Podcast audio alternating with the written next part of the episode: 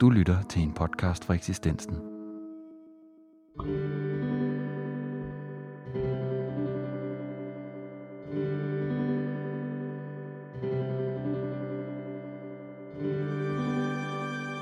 Jeg har jo besøg af Karl og Ingeborg Lomholdt, som har arbejdet som henholdsvis øh, fængselspræst og organist i det tidligere Horsens statsfængsel, som lukkede i 2006. De har udgivet en bog her på eksistensen, som hedder det er jo mennesker, øh, skæbner fra fængslet, øh, som handler om deres øh, arbejdsliv igennem næsten 30 år øh, i Horsens statsfængsel, og de ting, de oplevede der, og de mennesker, som de mødte. Øhm, og jeg vil gerne starte med at spørge jer, hvordan øh, processen omkring tilblivelsen af bogen har været. Vi har hele tiden, siden vores pensionering, haft den tanke, at vi ville udgive en bog om vores arbejde.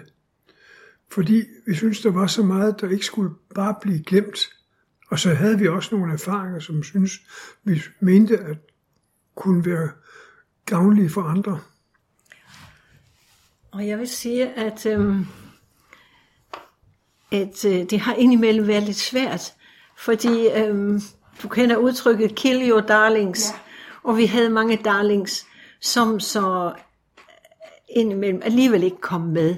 Fordi en øhm, forfatter og en journalist som Dorte, øh, der ser overordnet på det, hun, hun havde sine tanker at, øh, med vores historier, og fik dem, synes jeg, på en fin måde kædet øh, Karls øh, faglige historie og min faglige historie, det vil sige teologi og musik, sammen. I hvert fald er det lykkedes for hende ofte at kæde det sammen, ja. øhm, fordi vi har arbejdet inden for de samme områder. Det fængslet er jo ikke kæmpestort. Mm. Men øh, alligevel øh, har vi tit, øh, ligesom har, har der været skæringspunkter, hvor jeg oplevede noget, som Karl så sidenhen, øh, kan man sige, gjorde færdigt. Det vil vi fortælle også om senere, men, ja. men hun var fint til at kæde det sammen. Ja. Så der var, det var dejligt at arbejde sammen, og indimellem også lidt besværligt. Ja. Så har det også været øh, vigtigt for os, at man kan sige, hvorfor skrev vi ikke den bog for mange år siden? Hvorfor ikke lige efter vi øh, blev pensioneret, eller i, i vores arbejdstid nu? Og der vil jeg sige, at øh, tiden siden vores pensionering, og netop fordi vi blev boende på stedet, så har det i høj grad været en eftertankens tid. Og det er ikke dårligt, når man skal skrive en bog om sit arbejde og gøre sig, man må gøre sig det. De tanker klart, man har, øh, de erfaringer, dem må man have, gøre sig klart. Og det vil sige, at der er brug for eftertanken. Ja. Og det er så blevet, resultatet blevet den lille bog, som, som jeg, øh, jeg sagde, åh, den skulle da være meget større, der skulle være 200 sider, 250 sider gerne. Men øh, det er nok en god ting, at den ikke er større, end den er. Jeg tror, den bliver bedre læst. Ja, flere. det kan godt være. Altså, jeg, øh, nu har jeg jo læst den, øh, og jeg gad godt, den har været 100 sider længere. Jeg vil ja. så gerne høre ja. mere. Altså, ja. Ja. Det er en virkelig, virkelig dejlig bog. Ja. Jeg vil lige sige til det, at, øh, at det skal med ind i den her eftertankens tid, at jeg arbejdede seks år længere end Karl i mm. statsfængslet.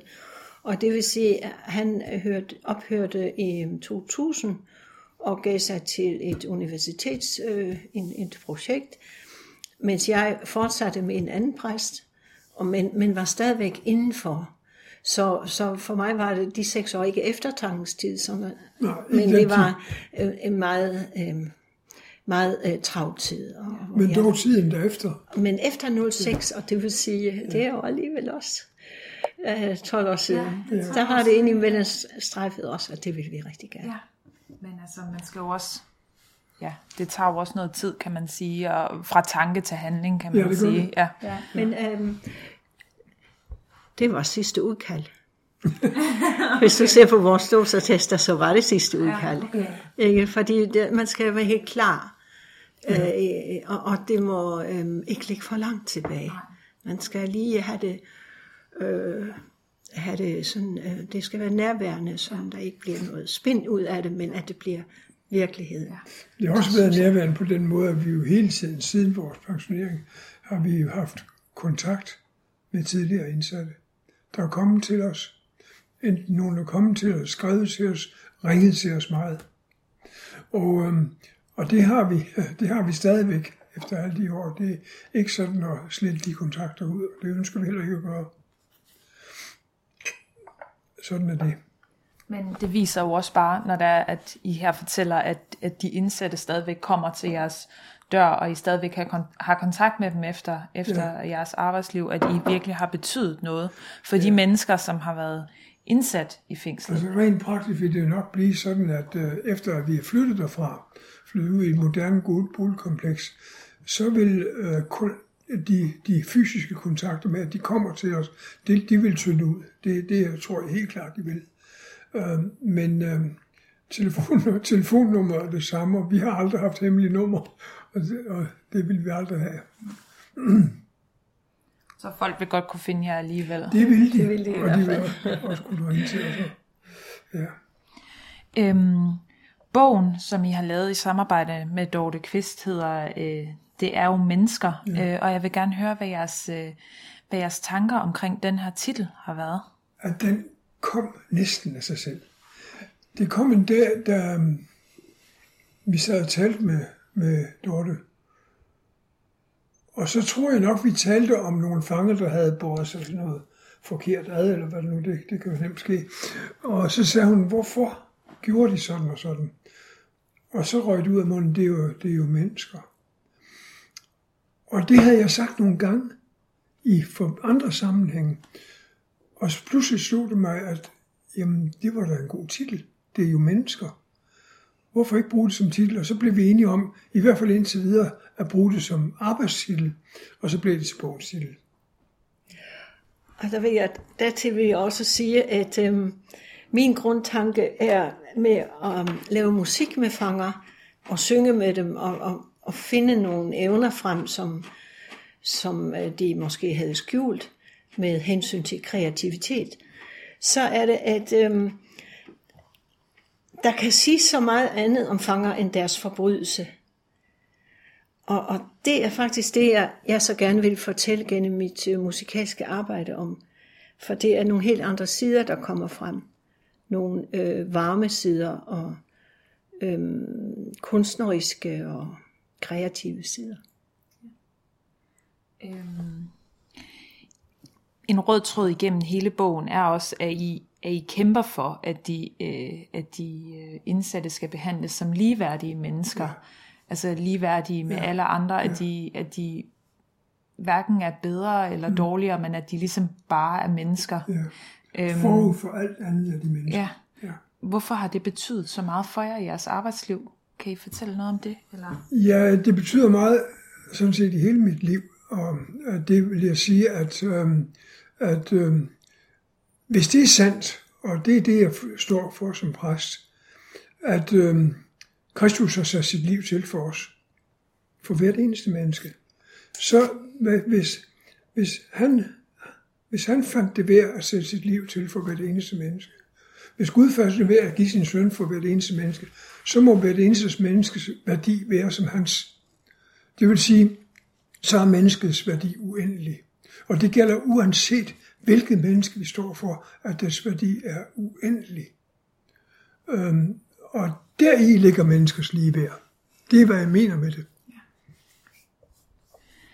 Øhm, nu vil jeg lige gå lidt over til at spørge ind til jeres øh, selve arbejdet i fængslet. Jeg vil starte med dig, Karl. Øh, du arbejdede som præst i fængslet, og jeg vil gerne spørge dig, hvad der var, hvordan, hvordan det var at være præst i et fængsel, og hvordan du tror, eller om du ved, øh, hvordan det er at være præst i et fængsel i forhold til at være præst i en, hvad skal man sige, gennemsnitlig dansk ja. folkekirke.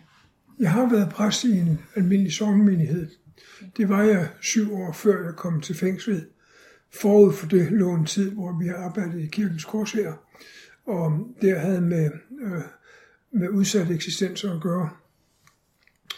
Og det er jo så, så kom ind til i fængsel igen. Det havde vi som mænd også at gøre med i sovnet. Øh, men øh, det, øh, det, at vi havde de fængsel, jamen det, det, det var sådan, at jeg, jeg så på fængslet som mit sovn. Det var nu mit sovn. Og de mennesker, de var sovnbeboerne. De mennesker, der boede der. Og um, når du så spørger, hvordan det er at arbejde, det, så er det som at arbejde i en hver anden, øh, i hvert andet sorg. Det skal gøres ordentligt. Og det skal også med respekt for de mennesker, man har med at gøre. Øhm, de, det skal, øh, øh, det, det deler sig mellem to ting i, i hovedsagen, kan man sige, mellem gudstjeneste hver søndag, og øh, der var vi i høj grad sammen, vi to, som præst og organist og kor, som Ingeborg leder. Og så mm, den anden side af mit arbejde, det var den, der fyldte i arbejdet tidsmæssigt. Det var sjælsorg. Det var samtalen med de mennesker. Jeg har altid syntes, at en vigtig del af en præsts opgave, det er at gå på husbesøg. Og at gå på husbesøg, det vil sige at besøge fangerne i cellerne. Og derfor er jeg så glad for, at vi har et billede af en celle foran på vores bog. Det er jo et hjem. Det er der, hvor det, som er et hjem for et menneske, i mange år måske, måske øh, en halv livstid. Vi, har, vi havde også mennesker, der sad på livstid. Så cellen var deres hjem. At gå på husbesøg, det vil sige at gå på cellebesøg. Og der var det så mærkeligt, at øh, for at komme på det husbesøg, ja, så skulle man jo først banke på døren. Selvfølgelig skulle man det. Men man skulle også låse sig ind. Um, det, jo, det, det sidste var det unormale i forhold til andre, at man låste sig ind til andre. Mm. Og derfor var det desto mere vigtigt for mig at banke på døren. Fordi det var noget, der havde med det menneskes værdighed at gøre. at huske det, bankes på døren. Og det var ikke alle, der huskede det. Jeg sagde til de unge betjente, at de skal gøre det. De skal banke på døren. Men ofte så stak de nøglen i og gik lige ind. Og det virker utroligt, utroligt, utroligt brutalt. Tak. Så når jeg kom, det var, der var nogen betjente, der fulgte den skik også, men det var ikke så mange. Og øhm, når jeg kom ind, så sagde han, jeg vidste jo, da det kom, fordi der blev banket. Og det, det synes jeg er utrolig vigtigt. Der, der står et par steder i bogen om, at, at, at fanger også er kommet hjem, så også en gang imellem det er sket. Men det er jo ikke sket nær så tit, som vi kommet på besøg hos dem. Nej. Og vi har drukket utallige kopper kaffe hos dem. Og det var vigtigt for dem tit at servere en kop kaffe for os. Og jeg husker en gang en, en som, øh, jeg, hvor jeg sad en aften og besøgte ham i hans selv, og vi drak en kop kaffe sammen. Krusvær. Så det er sjovt, du har sådan en krusvær. Det er fuldstændig man til nogle krus, vi har i vores øh, sommerhus på Indelave. Øhm, ja, det var da sjovt, sagde han. Og så, øh, så kom vi til at tale om andre ting. Kort efter skulle han løslades. Så ringer depotforvalteren til mig. Der står et krus her til dig, som efter han havde fanget sagde, de skal præsten af. Og det var en utrolig smuk gave, vi har den endnu, en utrolig smuk gave at få, af det krus. Um, fordi uh, det var på den her, det har jeg fået på husbesøg. Ingeborg, du var organist øh, og korleder i fængslet. Øhm, hvad tror du, at adgangen til musik og sang har betydet for fangerne? Det har jeg tænkt over. Du skrev til mig. Øhm, og så vil jeg bare sige overordnet, at det var en helle. Det var en, et fristed i en ellers gennemkontrolleret verden. Og i den forbindelse vil jeg lige fortælle lidt om mit korarbejde. Og øhm, jeg har aldrig rigtig kunnet adskille musik og omsorg. Når øh, en fange skrev en øh, sæd til mig, at han vil gerne snakke med organisten, og øh, jeg kaldte ham ind i mit rum, og vi snakkede sammen. Og jeg lavede en stemmeprøve, og det viste sig, at han godt kunne synge. Så øh, fulgte der straks en samtale med om ham øh, selv. Ikke fordi han fortalte mig om sin forbrydelse, men han vil gerne lige snakke med mig. Og hvis det var en langtidsfange, og det må jeg jo indrømme, at langtidsfanger var jeg meget glad for i mit korarbejde. De skulle være der i 14 eller 16 år, eller øh, den her forvaring. Så, øhm, så, og, og de kunne synge. At så havde jeg jo en mulighed for at øh, oplære ham som en god kirkesanger. Øhm, han var hver søndag med i mit kor. Han øh, lærte kirkeårets rytme og, og salmerne, og han lærte lidt af liturgien. Og han, øh, han og en, måske en 4-5 af mit, de 10 fanger, jeg havde i koret, det var langtidsfanger. Og, og de dannede grundstammen i koret. Og dem kunne jeg regne med i en række år. Det var en broet flok, der kom til mig, og, og det var jo ikke kun langtidsfanger, det var også de her løse fugle, der kom og gik. Der var, de kom øh, måske i tre måneder eller et halvt år, så skulle de ud igen, men snart var de der igen og meldte sig straks. Hos dig? I, til kor. Og en korprøve foregik jo sådan, at øh, vi vi sang om fredagen, vi sang om lørdagen, og så sang vi en halv time før gudstjenesten. Men om fredagen, det var et meget uroligt kor, der kom til mig, fordi de kom fra en støjende afdeling. De havde måske haft noget udstående med en eller anden. Ofte var de lidt frustreret, og så kom de, og så skulle jeg ligesom få dem ned på et niveau, hvor de var klar til at synge. At med, både mentalt og fysisk skulle de ligesom bevæge sig ind i et andet rum. Og det gør man bedst ved at drikke en kop kaffe med dem. Og altid skulle der være et stykke kage, det kunne ikke være anderledes. Og så gik vi jo op i kirken, og vi så havde ligesom renset sjælen, hvis jeg kan bruge det store ord, eller også, også ellers øh, tusserne i halsen, hvis de var lidt, øhm, blev lidt mindre. Så gik vi op til året og begyndte at opvarme. Um, og, og, og så... Um, så var de pludselig i kirkens rum. Og kirken, rummet er faktisk meget fantastisk. Midt i de små, i de små cellerum og, og midt i et lukket fængsel, så var der en smuk kirke med højt til loftet, fin akustik og vinduer uden træmmer. Og lys. Så det vil sige, at øh, vinduer uden træmmer fandtes næsten ikke ellers. Så, så der kunne de lige kigge op i himlen, for Aarhus ligger jo lige lidt højere end kirken. Så vi, vi var tæt på der, hvor vi skulle være og, og så, så gav de den hele arm. De gav den hele arm, så nogle gange jeg må sige, nu må I lige holde. Det er alt for meget. I skal jo ikke, jeg vil ikke sige brøle, men I skal ikke synge for kraftigt. Syng, prøv en gang at synge, så I kan lytte til hinanden, om det er smukt. Og det har jeg sagt så mange gange, at de skulle lære at lytte. Og nogen lærte det, og nogen lærte det aldrig fordi det, det var jo uroligt folkefærd. Ja. ja. Jeg tænkte på, da jeg læste, øh, da jeg læste bogen, tænkte jeg på, om øh, da jeg læste om koret, om der var en, en status i at blive optaget til koret, eller om det var noget, som man så ned på fra de andre fangers side. Det Hvordan? blev status. Efterhånden, som øh, jeg fik oparbejdet øh, gode, øh, et godt øh, kor, øh, det rygtedes også, at der kunne man få lært noget, og man kunne også spille på guitar indimellem til, til salmerne, hvis det var, hvis en mand kunne det.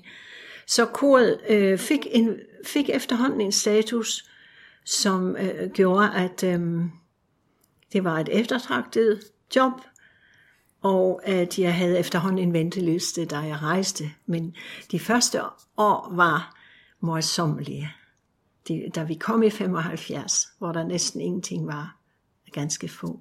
Og så arbejdede vi, jeg mig op med dem, og så jeg må de sige, også lidt for det. De fik, de fik ja. lidt for det, og de fik en masse sociale kontakter, fordi der var jo også, vi inviterede jo også både kor ind udefra, eller også havde vi musikarrangementer, og koret var altid aktiv. Det var ligesom mine mine folk, som skulle hjælpe til og, og ville hellere end gerne. Så det var en måde at få noget, øh, hvad skal man sige, det var en måde at få noget adspredelse på for dem ja. også. Ja. Både adspredelse, social kontakt med udfrakommende, og, øhm, og så fik man en vis, øhm, ja, der, der, lidt selvbevidsthed, fordi når man synger i kor, skal man for det første kunne synge, for det andet kunne læse. Det kan ikke alle. Og hvis det går højt, så skal man også kunne noder. Det krævede jeg ikke, men hvis en mand kunne noder også, så kunne man arbejde lidt mere med koret. Ja. De fik også et lille, et lille honorar for det. 50 kroner. Ja. Per gang eller per måned? Nej, per weekend. Per weekend, okay. Ja. Det har da også været noget, når man sidder i fængsel, kan man sige. Ja, det, var, det regnede de med. Ja. Det var en god pakke cigaretter, ja, eller lidt chat. Ja. Øhm, da jeg læste bogen, blev jeg meget berørt, da jeg læste om, øhm, om de øh, forhold, der var i Horsens Statsfængsels isolationsceller, som, I også, som vi faktisk har talt om, inden vi startede den her øh, podcast. Øhm, og jeg vil høre om, øh, hvordan det var at besøge de fanger, der sad på isolationsgangen, når I var derinde. Det var en, en meget vigtig del af, af mit arbejde, i hvert fald at besøge de isolerede. Øhm, fordi de var så totalt alene med deres tanker. Med, de var adskilt fra deres familie. I bogen er der et, et øh, digt, som en har skrevet i isolationen. Det er utroligt smukt digt. En grønlænder, der virkelig, virkelig er. Og jeg synes, det i sig selv er det en, er det, øh, en forbrydelse at, at fængsle grønlændere fordi øh, de er vant til de store vidder, og man har indtil nyeste tid ikke haft fængsler på Grønland man, man straffede på andre måder, men ikke ved fængsel. Det var ligesom noget, man, man kunne ikke tage, øh, tage et menneskes frihed, var en del af det selv, det kunne man ikke bare tage fra det. Og, så frihedsberøvelse, det virker hårdere på dem, end på så mange andre. Men der var det var ikke fordi, vi havde mange grønlænder, men en, enkelte havde vi. Og øh, øh, en af dem har jeg stadig kontakt med øh, på deres siden, jeg ringede til ham. Han er omtalt i bogen, og vi har været ude med ham.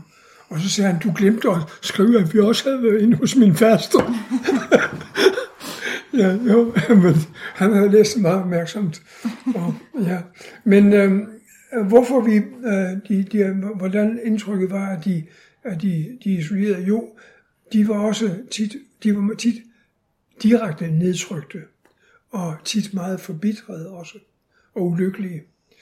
Øhm, så det gav sig selv, at det var en, en, en, en vigtig opgave at besøge dem. Og så um, har jeg også fortalt dig, at, øhm, at halvdelen af vores isolationsceller, som alle sammen lå nede i bunden af fængslet, i den ene af fløjene, øh, af belægningsfløjene, der lå isolationsceller, og en halvdel af disse, de vendte ud mod sådan en indergård, der blev brugt til affaldsspand og det, som var værre. Fordi øh, de, som boede ovenover, og øh, de brugte om natten at smide øh, der fækalier og urin ud af vinduet, fordi øh, dels at de havde en urinkolbe, den blev fyldt, og, og så øh, kunne de ikke, så måtte de finde andre muligheder, så brugte de en, en tom mælkekarton, og, og til det andet brugte de enten avispapir eller, eller øh, plastikposer. Og smed det ud af vinduet, og hvis man smider det ud af vinduet for fjerde sal, så går det i stykker. Det gjorde det også, og det bredte sig en stank dernede i bunden af de der indergårde, som egentlig bare var lysskakter. Um, sådan havde vi to indergårde, og de lå lige op af, af cellefløjene. Um, øhm, og det vil sige, at der sivede sådan en stank ind der hele tiden. Og dog den grønlænder, som jeg har fortalt om, den besøgte, og jeg besøgte, han måtte have vinduet åbent, for han skrev et digt til vinden. Vinden, som var det eneste, han havde tilbage af sin natur. Det var vinden. Og derfor var det vigtigt, at den kom ind. Så mm, det var ikke noget godt sted for mennesker at være der i, i, i isolationscellerne. Så vil jeg nemlig lige fortælle om, at jeg havde 25 guitarer, jeg gik rundt med i hele fængslet. Øhm, det var en, et udlån, jeg havde øh, til dem, der gerne ville spille på cellen, og øh, dem, der gik til undervisning om vinteren. Der havde jeg engageret øh, øh et sammenspil og en guitarlærer, så de kunne, kunne lære noget mere. Men der kom jeg, øh, der kom jeg også på isolationsgangen med guitar nogle gange, og, og det glemmer jeg aldrig, fordi øhm, en guitar var næsten en, øh, lidt en, en, en livredder, eller den, den kunne gøre tilværelsen lidt mere tålelig dernede. Øh, fordi det kan blive en god kammerat, også når man bytter om på nat og dag, og når man har spillet udenfor på guitar, så er det dejligt at, at få øh, gerne en western, hvis jeg havde det, eller en akustisk. Men en spansk guitar kunne også godt gøre det. Så øh, jeg, jeg gik jævnligt dernede og øh, leverede guitar og lidt øh, akkordtabeller og, og enkelte sange, hvis de kunne læse becifringer. Og når man kommer ind med en guitar um, fra kirken, så, og de mærker, hvem, kan høre, hvem man er, så, så går man jo ikke med det samme igen. Så skal man bare sidde lidt nede på en stol eller på sengen, og så snakke lidt med dem. Og um, de gange husker jeg, for det, det var vigtigt. Så kommer man jo også igen øh, en gang senere. Der skulle også måske leveres noget andet, og han skrev igen på en seddel de små sædler. Ja. så, så det husker jeg fra isolationsafdelingen. Ja. Vil I fortælle lidt mere om, om de små sædler, som du lige nævnte? Ja. At det var nogen, som fangerne lagde til om morgenen, eller hvordan ja, var det, det var? Det var, det var sådan små formularer øh, anmodningssedler hed de små formularer, som de skrev om, om alt, hvad de ønsker, om kan komme i forbindelse med inspektøren, eller med øh, overvagtmesteren, eller hvem det nu være, så skrev de en lille seddel skolen. Men der var mange sædler til præsten og organisten. Og, øh, og de blev lagt øh, nede i vores øh, Øh, i vagtmesterkontoret, der hvor vi hentede vores nøgler. Når vi tog vores nøglebund ud i sin lille kasse, så lå der også nogle sædler derinde som regel. Og dem tog man så i den rækkefølge, det var, og det kunne godt være mere end til en dag. Og så man var tit lidt bagefter med det. Men øh, når, når jeg talte før om de isolerede, så skal det også med der, at, de, at det var et fængsel, der var, det var meget gammeldags fængsel. Der var ikke sådan nogle moderne bekvemmeligheder, som man vaskekumme, slet ikke et toilet. Og, og derfor var de henvist til at bruge fælles toiletter i dagtimerne og om natten, der, hvor de alle var alle fangerne var låst inde om natten. Der greb de til sådan løsninger, som jeg fortalte om før. Men øh, det var ikke det, du spurgte om nu. Nej, det var bare, øh, det var bare øh, hvad, hvad det var for noget med de små sædler. Nå, med sædler, så det, ja. ja, så det ja, har du faktisk. Det, det har jeg svaret på, ja. ja. ja. Øhm, men øh, ja, så lad os gå videre til, til det næste, jeg gerne vil spørge om, fordi det er nemlig, at der står et sted i bogen, at øh, at du siger, at der altid skal være, at du siger, Karl, at der altid skal være en lille mulighed for en fange for at flygte ja. fra fængslet. Og der er også fortællinger om flere forskellige ja. flugtforsøg, der både lykkes og ikke lykkes.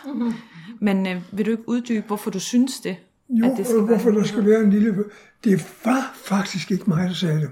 Nå. Det var, jeg citerede endda en meget skrab overvagtmester for at have sagt det. Nå. Han holdt meget stærkt på, på sikkerheden, og sikkerheden skulle være i top og øhm, øh, betjentene skulle være meget ops på, på, på at, at sikkerheden ikke svigtede. Men så kunne han sige, og han sagde det, og jeg hørte ham sige mere end en gang, at der skal alligevel i et hvert fængsel være sådan en lille bitte mulighed, så den snilleste kan finde ud af at komme, komme ud. Øhm, og, øhm, øh, og hvorfor sagde han det? Han sagde, og han, han, han fuldførte sin sætning, sagde, det skal der være fordi ellers bliver de tosset i hovedet. Man bliver fuldstændig frustreret og grebet af klaustrofobi, hvis ikke der, hvis ikke der er det. Da jeg begyndte i Horsens statsfængsel, og det var i 1975, der læste jeg en bog af den svenske forfatter Kenneth Ahl. Den hedder Bundskruen. og den øh, handler om øh, det dengang topsikrede fængsel Kumla i Sverige, som stadigvæk består, og det betragtes som umuligt at komme ud af.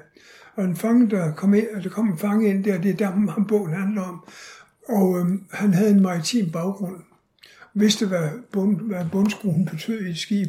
Altså, hvis den bliver skruet op til force vand, så kan det, det kunne også ske det modsatte, at man kunne komme ud af den der, gennem den der bundskrue.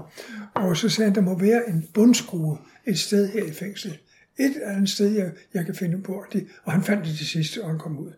Men øh, øh, det, den, den har sådan for, fuldt med, ikke for fuldt, men fuldt med den tanke om, om bundskruen. Og, og, men det var ikke mig, der sagde det der, det var overvagtmesteren. Og det er vigtigt, Ja. at øh, det kan siges, at den anden part, som netop er ansvarlig for sikkerheden. Ja. Og i de moderne fængsler, som man nu har fået et, et af uden for Horsens, som har afløst det i Horsens, der kan siges både godt og skidt om det. Lad os bare sige det gode først, det er, at hygiejnen er i top. De har fået øh, store, forholdsvis store lyse celler med et stort vindue, som ikke er, der ikke er jernstrammer for, til gengæld er det tyk glas, som ikke kan slås i stykker. Um, så, og, og der er en, en, en god øh, trækkanal og sådan, så der, der kan, de kan holde frisk luft derinde. Um, og um, der er til hver eneste celle en lille øh, toilet og bad. Og, og det er utrolig meget værd. Mm.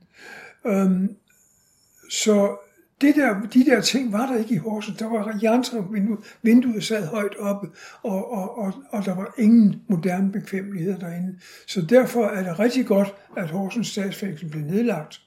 Men det lille hul til sikkerheden, til gennemsikkerheden, det lille hul, man kunne få håb igennem og slippe ud. For hvis den snilleste kunne, så kan jeg måske også. Mm. Ikke sandt? Sådan var tanken. Det gav nogen håb, og det gav så, at man ikke helt lukkede inde. Øhm, og det var man alligevel. Men der var altså nogen, der slap ud. Og, og, og, og, og det hul er ikke i et moderne fængsel. Det er hermetisk tillukket. Det eneste, øh, den eneste flugt, vi har haft fra fængsel i N, og nu er det bestået siden 2006, det er en flugt, der skete på grund af personalsvigt. Et helt klart personalsvigt. Og det, det, er, det, er, det kunne ikke være andet. Øh, men man, de ingen af dem har kunnet komme ud på anden måde. Så øh, det kan man så gøre sig sine tanker om. Hvad vil det på længere sigt betyde for trivselen i fængslet? Mm. Jeg vil dog sige, at øh, fængslets øh, øh, hvad hedder det, indbyggere har ændret sig meget siden vi, vi arbejdede, fordi der er kommet, det er et øh, klart banderelateret fængsel, hvor øh, de kan, øh, man kan simpelthen ikke sætte to forskellige bandemedlemmer sammen, for så slår de hinanden ihjel. Og, og det vil sige, at det er blevet uhyre vanskeligere at, øh, og, og, og have fællesskab med hinanden. Det findes næsten ikke for. Jeg har spillet der nogle gange i den enkelte gange i den senere tid, og det, det er kun seks fanger, der må være med til gudstjenesten. Og det vil sige, at præsten har en, en lang række gudstjenester, mm. øhm, og det er de forskellige bandeformationer fra København, der sidder i Endermark. Der er alt fra Loyal to Family øh, og og hvad hedder de andre grupperinger, de sidder der, ja, HR, men også nyere bande medlemmer, og de kan, der er man nødt til at nedsektionere nogle gange, det de er seks mennesker, og ikke andre. De ser ikke andre. Så hos os var det dog sådan, at vi havde fællesskaber. Vi havde stadigvæk fælles gårdtur, hvor fanger kunne også mødes og, og være lidt sammen, også fra forskellige afdelinger. Det kender man, kender man ikke Så havde vi som sagt nogle isolerede også. Men, ja. men altså, men, øh, det er rigtigt, at der, der, vi havde også en enkelt bande. Det, øh, Hells Angels var der jo også i vores tid, de, havde, de var lukket inde på en særlig afdeling. Men, øh, men vi havde langt mere fællesskab, end man har ja, der, på de moderne fængsler. Jeg tror, der er fem-seks bande. Ja. Øh, øh, grupperinger, der er samlet, eller er netop ikke samlet på Indermark, men er på forskellige afdelinger fordelt. Vil I sige, at det er den største, øh, det største skred, eller den største forværing eller bedring? Jeg, skal, jeg ved ikke, hvad man skal kalde det, der er sket igennem, øh, igennem de, den tid, hvor I har arbejdet i et fængsel. Den, der, Den, har, den sektionering der, den er nødvendig. det har bare ændret øh, karakter. Ja, det har, det, det har også ændret karakter i miljøet mellem de indsatte.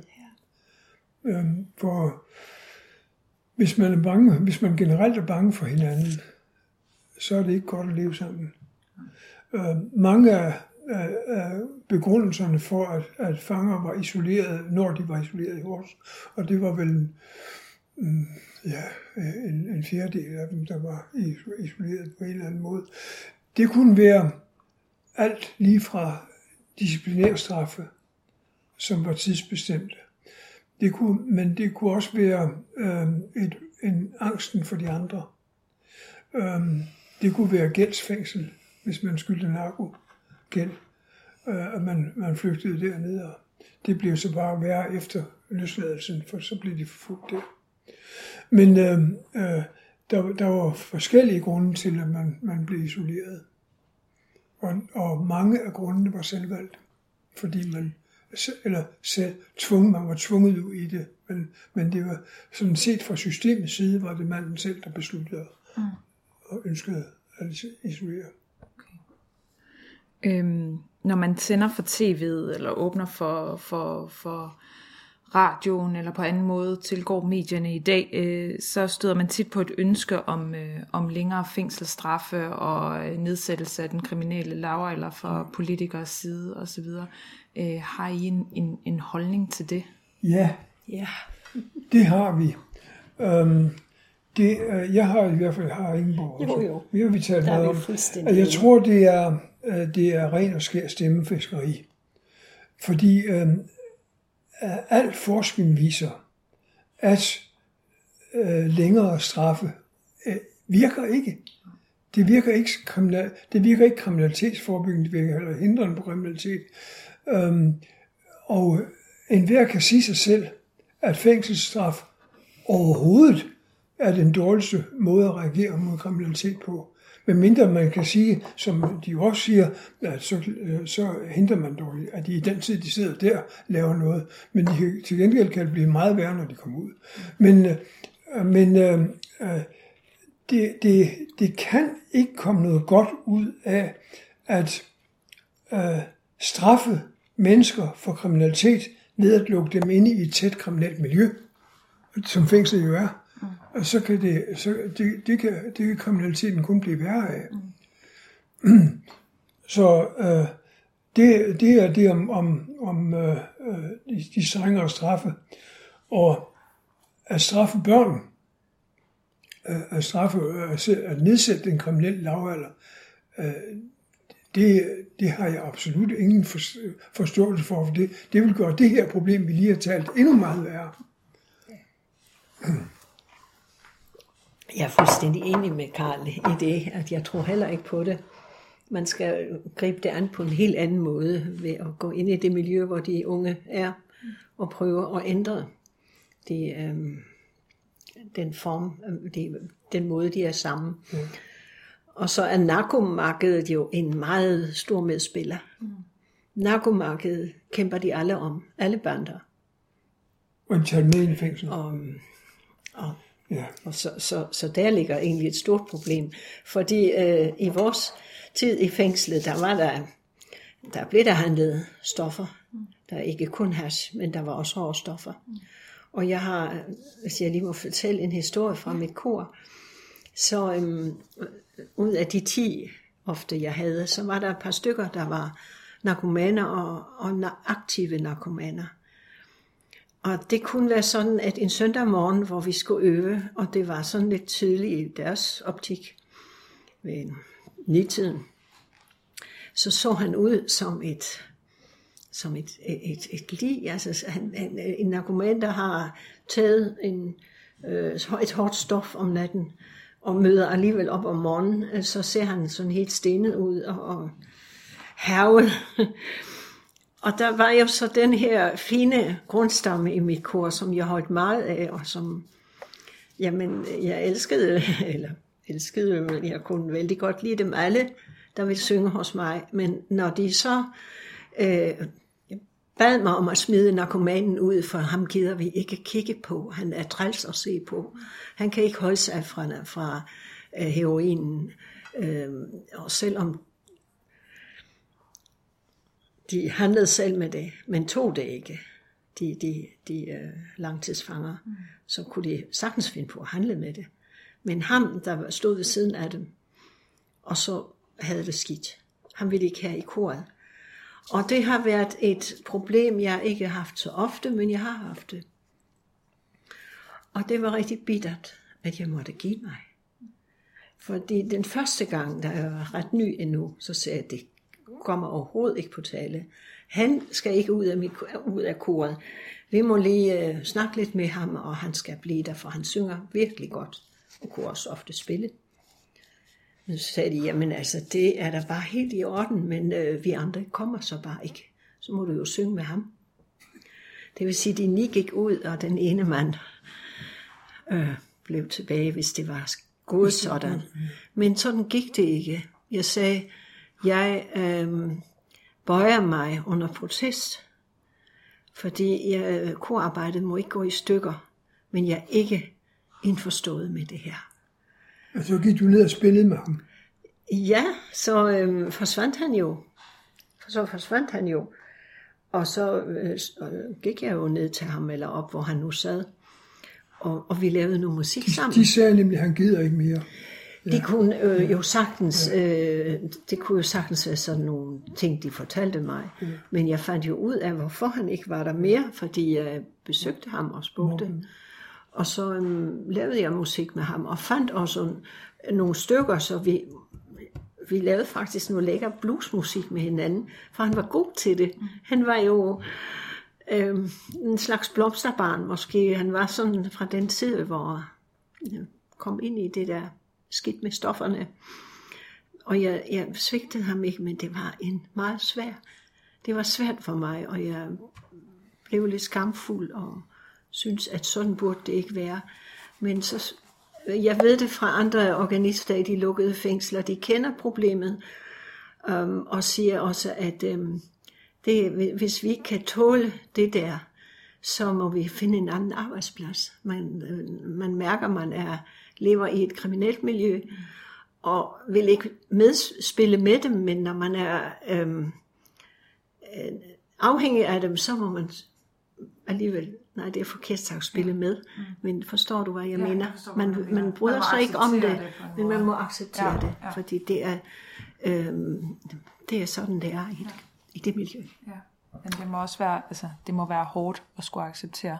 Ja, jeg har været, været dårlig, og jeg tror også, der, jeg fældede nogle tårer en gang. Men øh, så, øh, så jeg har oplevet det, jeg tror to eller tre gange. Det er det. Men det glemmer man ikke. Nej. Øhm, jeg vil her øh, sådan forholdsvis afslutningsvis spørge jer, hvordan det var øh, at skulle stoppe med at arbejde efter alle de år i fængslet? Ja, øhm, det øh, var til at, i de første år sværere, end jeg havde troet, men nu for mit vedkommende. For, men min, min egen afsked, den havde en, en speciel baggrund. Jeg havde et, øh, i, i, i mange år tænkt mig, at jeg ville gerne gøre noget forskningsmæssigt ud af det her også, at, øh, at have arbejdet i et fængsel. Og øh, øh, der havde jeg tænkt meget over det, at, at fængslet, hele vores straffesystem, er ligesom en pyramide. Øverst oppe sidder Justitsministeriet, politiet, Justitsministeriet og fængslet og politiet og hele. Og i, i fængslet sidder øverst oppe Justitsministeriets nærmeste repræsentant, Direktoratet for Kriminalforsorgen. Under det kommer så øh, fængselsinspektørerne rundt om på de forskellige anstalter. Så kommer hele personalet, det, øh, det øh, uniformerede personale og værkstedspersonale og civilpersonale, hvor til jeg selv hørte. Og alle de mennesker, de havde en, en sag at forsvare, en, øh, et territorium at forsvare. Og, og det her er også mit, uh, mit territorium, med kirken, og skulle forsvare, skulle have sin plads der. Men nederst i hele, der var de mennesker, der drejede sig om, nemlig fangerne, og de havde ingenting at skulle have sagt overhovedet. Og det har gjort sat vist tanker i, i, i gang hos mig, at, øh, at vi havde hele det system, hvor jeg selv også selv hørte, og så nederst de mennesker, der handler om, og som ikke egentlig ikke bliver spurgt. Og øh, så gav jeg mig til at, øh, jeg, jeg har øh, sådan specielt i gammelsmente, og øh, jeg vidste, at der i gamle israelisk lov var nogle andre tanker. Og så gav jeg mig til at tage, skrive en, en, en, en afhandling, en Ph.D.-afhandling, øhm, om, om, øhm, og det kunne jeg ikke skrive, mens jeg var i fængsel, for fængslet åd mig, så jeg, det, jeg skulle bruge min tid på arbejde i fængslet. Jeg kunne læse lidt om aftenen og sådan noget, og i min fritid, men, øh, men virkelig øh, sådan, øh, gøre noget ved sådan et studium kunne jeg ikke. Så jeg samlede mig helt med materiale, og, og, og så gav jeg mig til at, så blev jeg søgt jeg pension to år før jeg ville, nemlig som, søgt som 68-årig.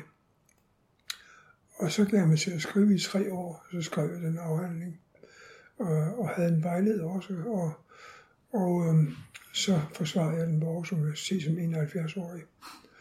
Øhm, og den handler om, at man i, det, i den ældste israelitiske retsbog, vi kender, øh, der har man det princip, at, at mm, det, det først og fremmest handler om, det er at sikre de marginaliserede menneskers rettigheder.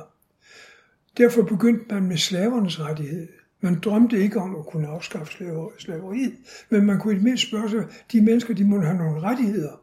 Og så skrev man om slavernes rettigheder, det første kapitel, og så kommer vi til de fremmedes, de øh, udlændingens rettigheder i samfundet. Og det er jo stadigvæk noget brændende. Mm. Og øh, kvindernes, for de havde slet ikke noget at skulle have sagt, og børnene. Og så dem, som ikke måtte blive glemt, nemlig de allerfattigste, de som var helt uden for samfundet, de måtte heller ikke blive glemt.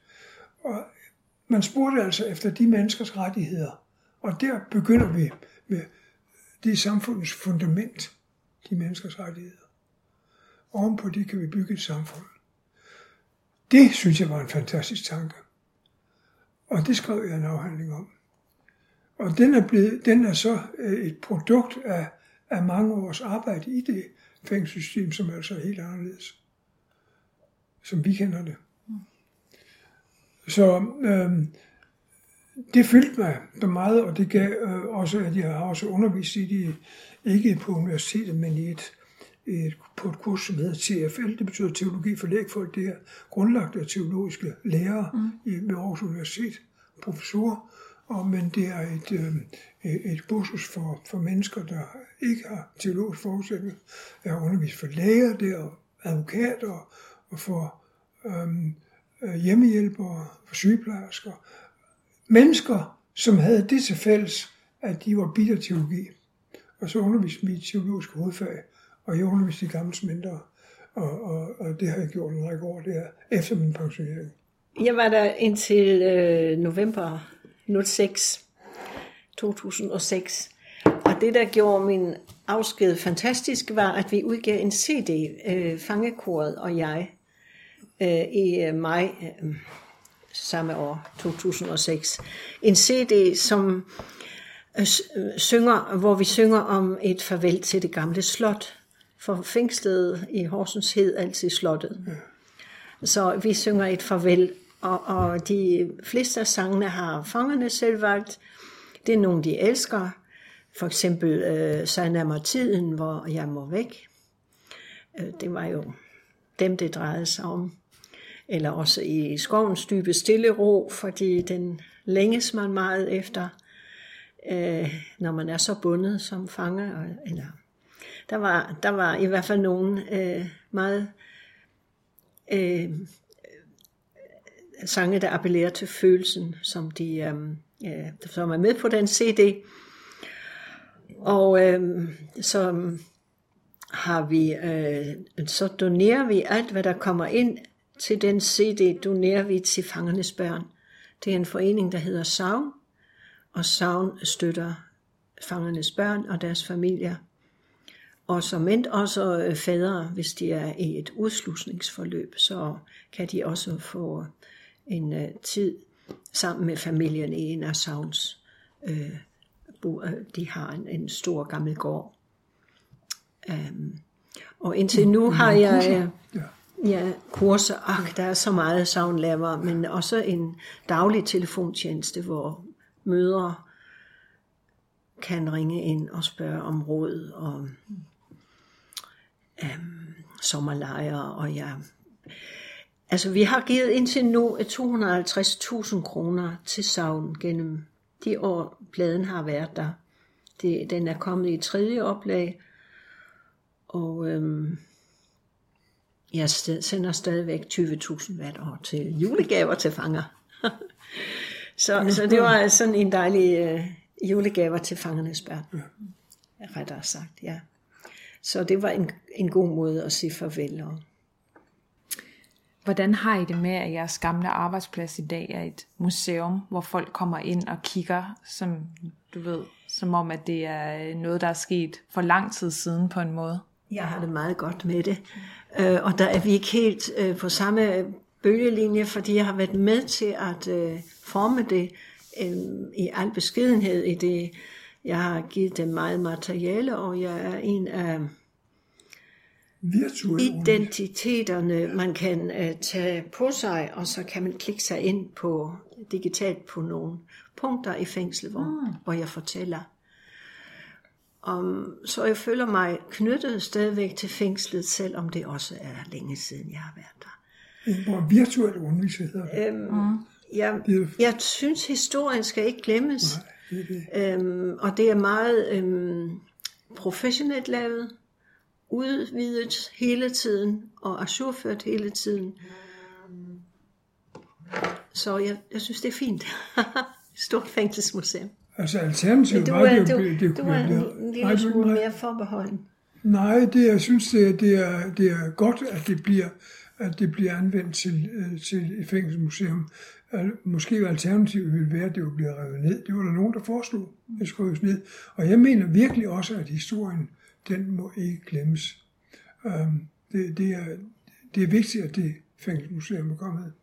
Jo, der, jeg vil godt sige, at øh, når du taler om det der med at besøge fangerne, og at tale med fangerne, og øve sjælsorg i et fængsel.